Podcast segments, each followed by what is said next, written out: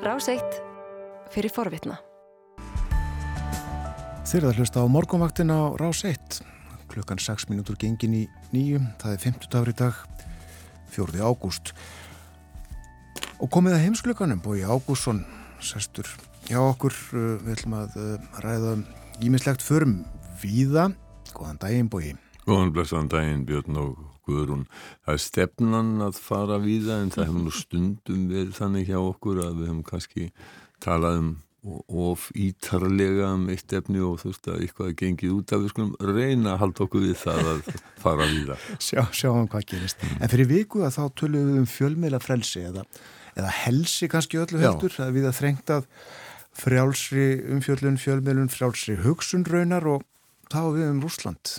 Já, við nefndum Rúsland nú kannski ekki sérstaklega í því en eh, allt frá því að eh, já, það má svo sem segja í Rúslandi segja menn að mista kosti áratugur síðan að, að uh, rúsnesk stjórnmöld undir fórustu Vladimir Putins fórsetta fóru að þrengja mjög að rúsneskum fjölmiðlum aðalega fyrst í stað og eftir innrósina 24. Um, februar að þá er búið að setja lög sem að eru þannig að uh, það er hægt að dæma fólk í langa fangesinsvist ef það uh, flytur fréttir af hernaðanum í Ukrænu sem er ekki yfirvöldum að skapi og eitt af því sem að er ekki að skapi yfirvalda er það að það sé talað um innrósiða stríð þetta heitir sérstök hernaðar aðgjörð innan gerðsa rappa og þú getur beinleins verið dæmdir í fangesi fyrir að, að nota orðið stríð.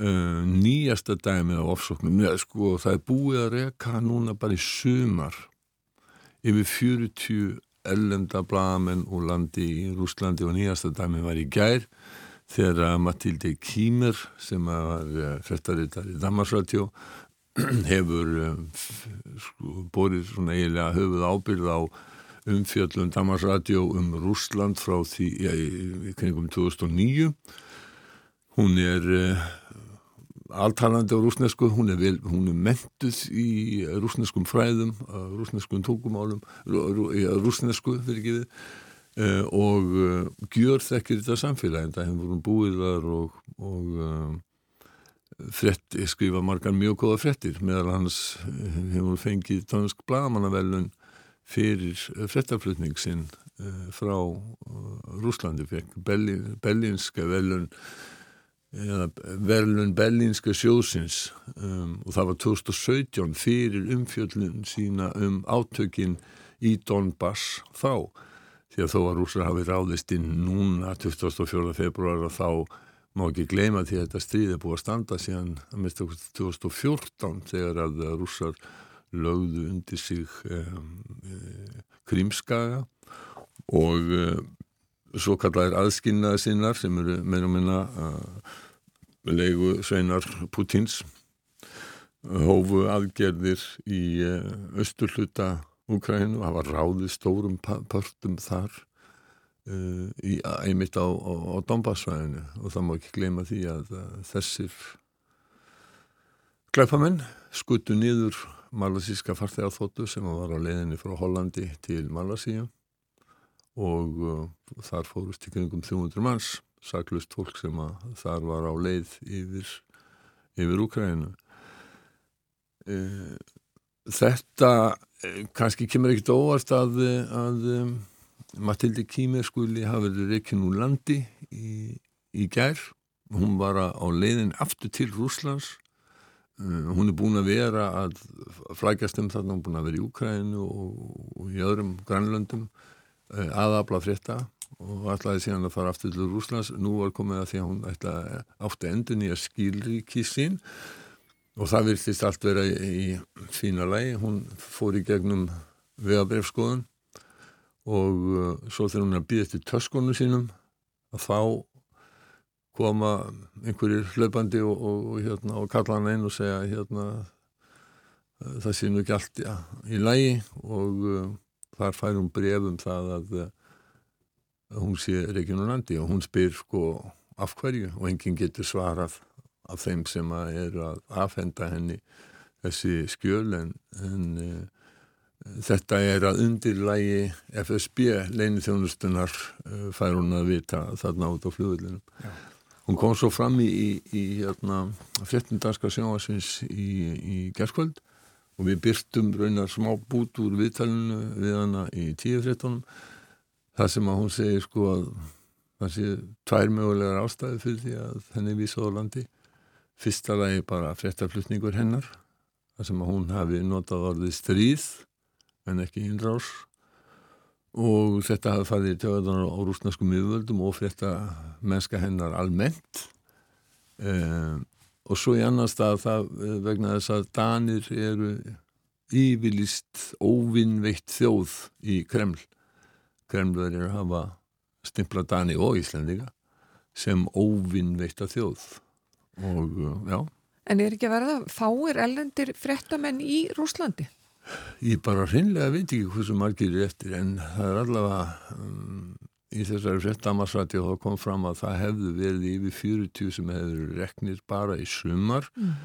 og um, þar á meðal eru fréttamenn frá BBC, Guardian, Telegraph, Sky News og, og fleiri vestrænum miðlum uh, sumir af þeim sko ég veit að Sænska ríkisúttarpið kallaði sinn fréttamann fréttarítar í Moskvu heim uh, en uh, þeir eru samt með fréttaöflun í Moskvu en þá sko svíðarnir sögðu við getum ekki starfað sem hlutlausir og hlutlægir fréttamenn uh, við þessar reglur sem að fréttamennum eru bú, hérna, bónar í, í Moskvu og þess vegna bara kollum okkar mann heim. Nú sko Jeppe Kofod, utan ekki sá þeirra dana, hann uh, sagði við Damarsradio eftir þetta þá uh, Já, fór mjög hörðum orðum um rúsnesk stjórn og það sagði náttúrulega málið tekið upp, sendir á því Moskvum myndi taka upp við utan ekki saðandi. Það er náttúrulega vel bara bla bla bla og, og, og kemur ekkit út af því. En, en, en Jeppe Kofod sagði að, að þetta væri dæmalös árós á frelsi fjölmjöla og síndi að Rúsland væri á hraðleði til einræðis og hefði í raun þegar afnumið líðræði sem að ég bara held að sé afskaplega rétt myndið hjá honum.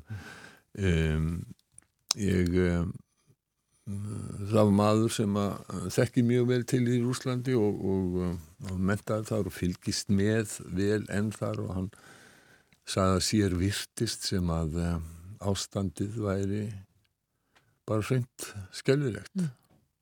og við getum svo sem vitnaði það að ég var að lesa það í, á vefsíðu Finska ríkisútvarsins Íle Þeir voru að vitna í skýslu sem að um, Yale-hárskóli í Bandaríkján hafi gert um efnahag Rúslands uh, þess að þeir fulliða að uh, stríðið, uh, refsiaðgerðirnar og einangurinn hafi leikið rúsa miklu harðar heldur en að þeir vilji vera að láta. Þeir benda líka á þann mikla flóta fólks og mentafólks og annara frá Rúslandi sem hefur verið kannski ekki óskaplega mikið talað um en, uh, en þeir vilja, vilja meina að, að ástandi sé margfalt vera heldur en rúsnök stjórnmöld vilja viðurkenna. Þegar þau byrti upplýsingar um uh, efnahægin að þá sé það velji þeir mjög þær hægtölu sem að séu byrtar og það sé þagað yfir öðru. Já. Og kannski, já, að því að ég var að minnast á að ég lasi þetta í, hérna í finska á, á síðu finska ríkisúttasins eh, og þú varst Guðrún í morgunna að minnast á, á breytt afstöðu. Já, í norðu Noregi. Það er sem sagt þeir sem að litu á, á rúsa sem vini sína áður en það er ekki lengur. Þrátt fyrir að, að rauði herrin hafi bjargað þeim úr klóm þjóðverja. Já, sko það er eh, það var alveg ljóst að það var afstöðubreiting meðal almennir að finna þegar að rúsarnir íðust inn í Ukrænu og í rauninni það að finna Rúsvíja síðan að ganga inn í NATO núna er, er vegna þess að finska þjóðin hún snar snýrist bókstaflega á einni nóttu í afstöðu sinni gagvart rússum og þetta er reyni krafa almennings í, í Finnlandi að ganga inn í, í, í NATO sem er einn af þeim þáttum sem að hafa knúið þessar breytingar fram. Og finska þjóðin núna samkvæmt þetta sem ég hef verið að lesa í finskum miðlum er æva reið vegna þess að rússar fá enn að eh, koma yfir landamærin í eh, og, og vesla uh, ég sá það í dagins nýhettir að fréttarittar í dagins nýhettir sem er í samt í Pétursborg hún var fór yfir til Finnlands og hún er á bíl sem er á rúsnesku numeraplötum og, og, og hún, hún, hún sagði sko hún var bara eiginlega alveg frist þánga til að, að fólk átti að segja því hún var ekki rús, hún var í síi og það kemur í ljós að meiri hluti þingmann á finska þinginu vill að það verði breytt reglum um vegabrjöfsáriðtanir þannig að rúsar bara sennilega fá ekki að fara yfir landamæni nýju vestlunarlega og annað og, og þetta hefur verið mikið um þetta fjallaða í, já, á samfélagsmiðlum í Finnlandi. Bói, tölum aðeins um uh, stríðið sjálf Já. Þú ert með upplýsingar um VOP sem að úkræðumenn búa nú yfir. Já, það hefur verið aldrei í fréttum að, að undanförnu að Úkrænumenn hafa fengið langdaræg flugskeiti frá bandaríkjamannum sem að kalluður Hæmars og þetta er nú skamstöðum fyrir ykkur sem að ég mann ekki alveg í, í augnaflíkinu hvað stendur fyrir. En þetta eru mjög nákvæm og langdræg flugskeiti þar sé að langdræg þá eru það einhverju týjir kílometra sem að þeir geta sendt þessi skeiti og þau eru nákvæmari og fullkomnari heldur nokkuð það sem að rússar sjálfur ráða yfir. Um, hernaðar að, aðferðir rússa hinga til. Og þetta er bara eiginlega alveg hefðbundið í, í rúsneskum hernaðafræðum að þeir sækja fram með ógnvænlegri stórskotarfríð af fallbissum og flugskeitum leggja nánast allt í rúst. Við getum bara að horta á borginna Mariupol í þessu sambandi og svo er landherrin sendur inn til þess að, eh, að eh, hernema eh, rústirnar. En vegna þess að Ukrænumennir eru búin að fá þessi langdægu flugskeiti að þá svaraði núna. Þegar að fallbessu skotri og flugskeita hríð kemur frá rúsum að þá komaður upp um sig hvar þeir eru og úkrænumenn hafa núna undanförnu geta svara fyrir sig og eigðilegt fallbessur og skotpalla rúsana e, þannig að það er eiginlega þessi aðferð rúsa í hernaði þeir hafa eiginlega alveg sko geta eigðilegt hana e, núna undanförnu nema að rúsa skjóta enþá af miklu móð frá einum stað. Hvaða stað er það? Það er Saporísja kjarnorku verið sem er því stærsta í Evrópu. Úkrænuminn svara ekki, eh, þeir skjóta ekki á rúsana þar vegna þess að þeir vilja alls ekki verða valdir að kjarnorku slísi sem að gæti orðið því að þú veit að síðan nákvæm að flöga að þá er ekki þá er, þá er ekki 100% örugt að það er hitti nákvæmlega þarna og ef þú ert með fallbessu við hliðin á kælivatsturni þá, þá geta orðið slis og það vilja Ukraínum en ekki Nei. en annars hafa rússar verið að flytja herlið frá Donbass-svæðinu eh, að svæðunum næri Kherson sem er einu stærstu borgum Úkrænu og rússar lögðu undir sig mjög fljótt í þessu stríði og uh, úkrænuminn hafa bara bóðað það í næstum tvo mánuði að þeir ætli sér að sækja fram þar og frelsa þessa borg. Partur af því er að þeir hafa eðilagt með þessum flugskeitum brýr og vegi uh, og einangra stóran hluta rúsneska herlisins þannig að það er mjög erfitt með aðdrætti og liðsflutninga að þanga. Þannig að uh, þar má búast við frekari átökum á, á, á næstu vikum. Já, það fór eins og við uh, spáðum eða, já, óttuðum skipt við sagt, Já, já, komust ekki yfir allt sem við ætluðum okkur. Já, við, við getum, getum farið frætt yfir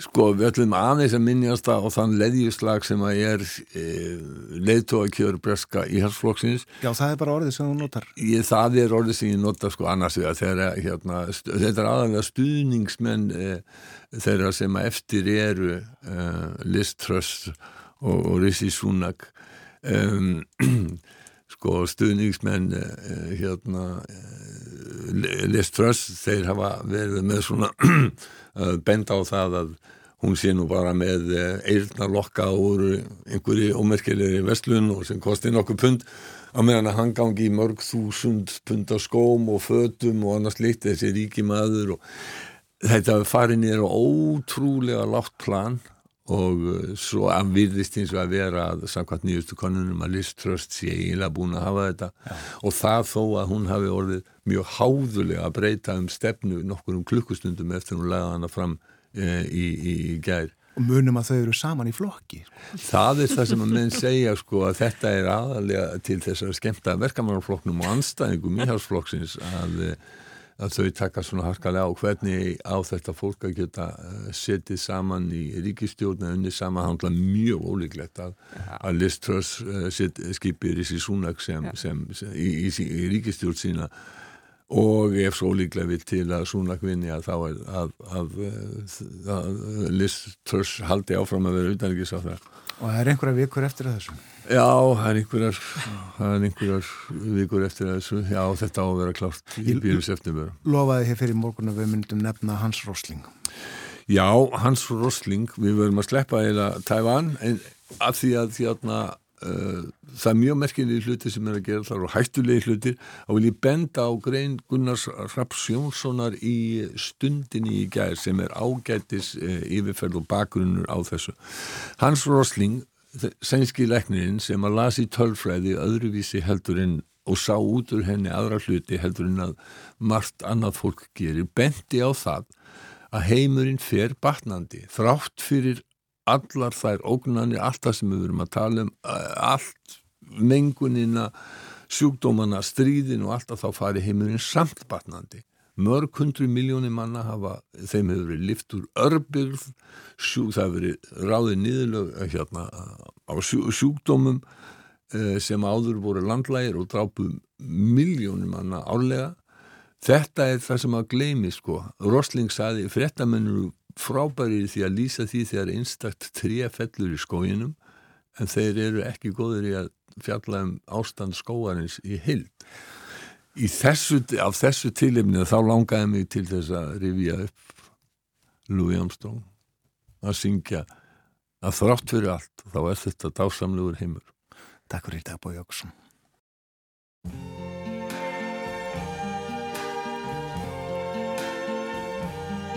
I see trees of green red roses too I see them bloom for me and you. And I think to myself, what a wonderful world.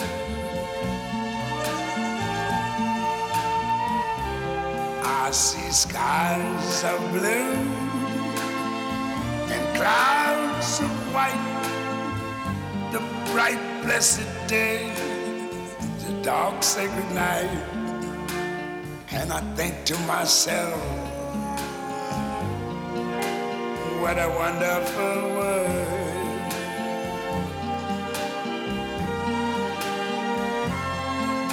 The colors of the rainbow, so pretty in the sky, are also on the faces of people going by. I see friends shaking hands saying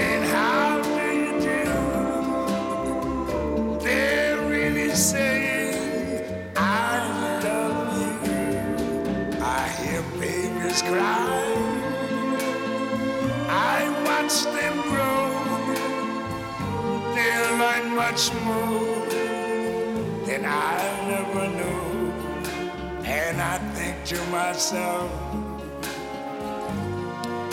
What a wonderful world. Yes, I think to myself, what a wonderful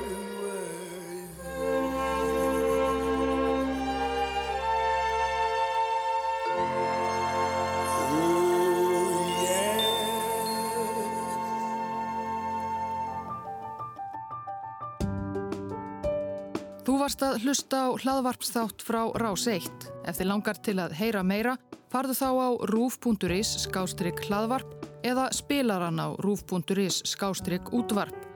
Rás 1 fyrir forvitna.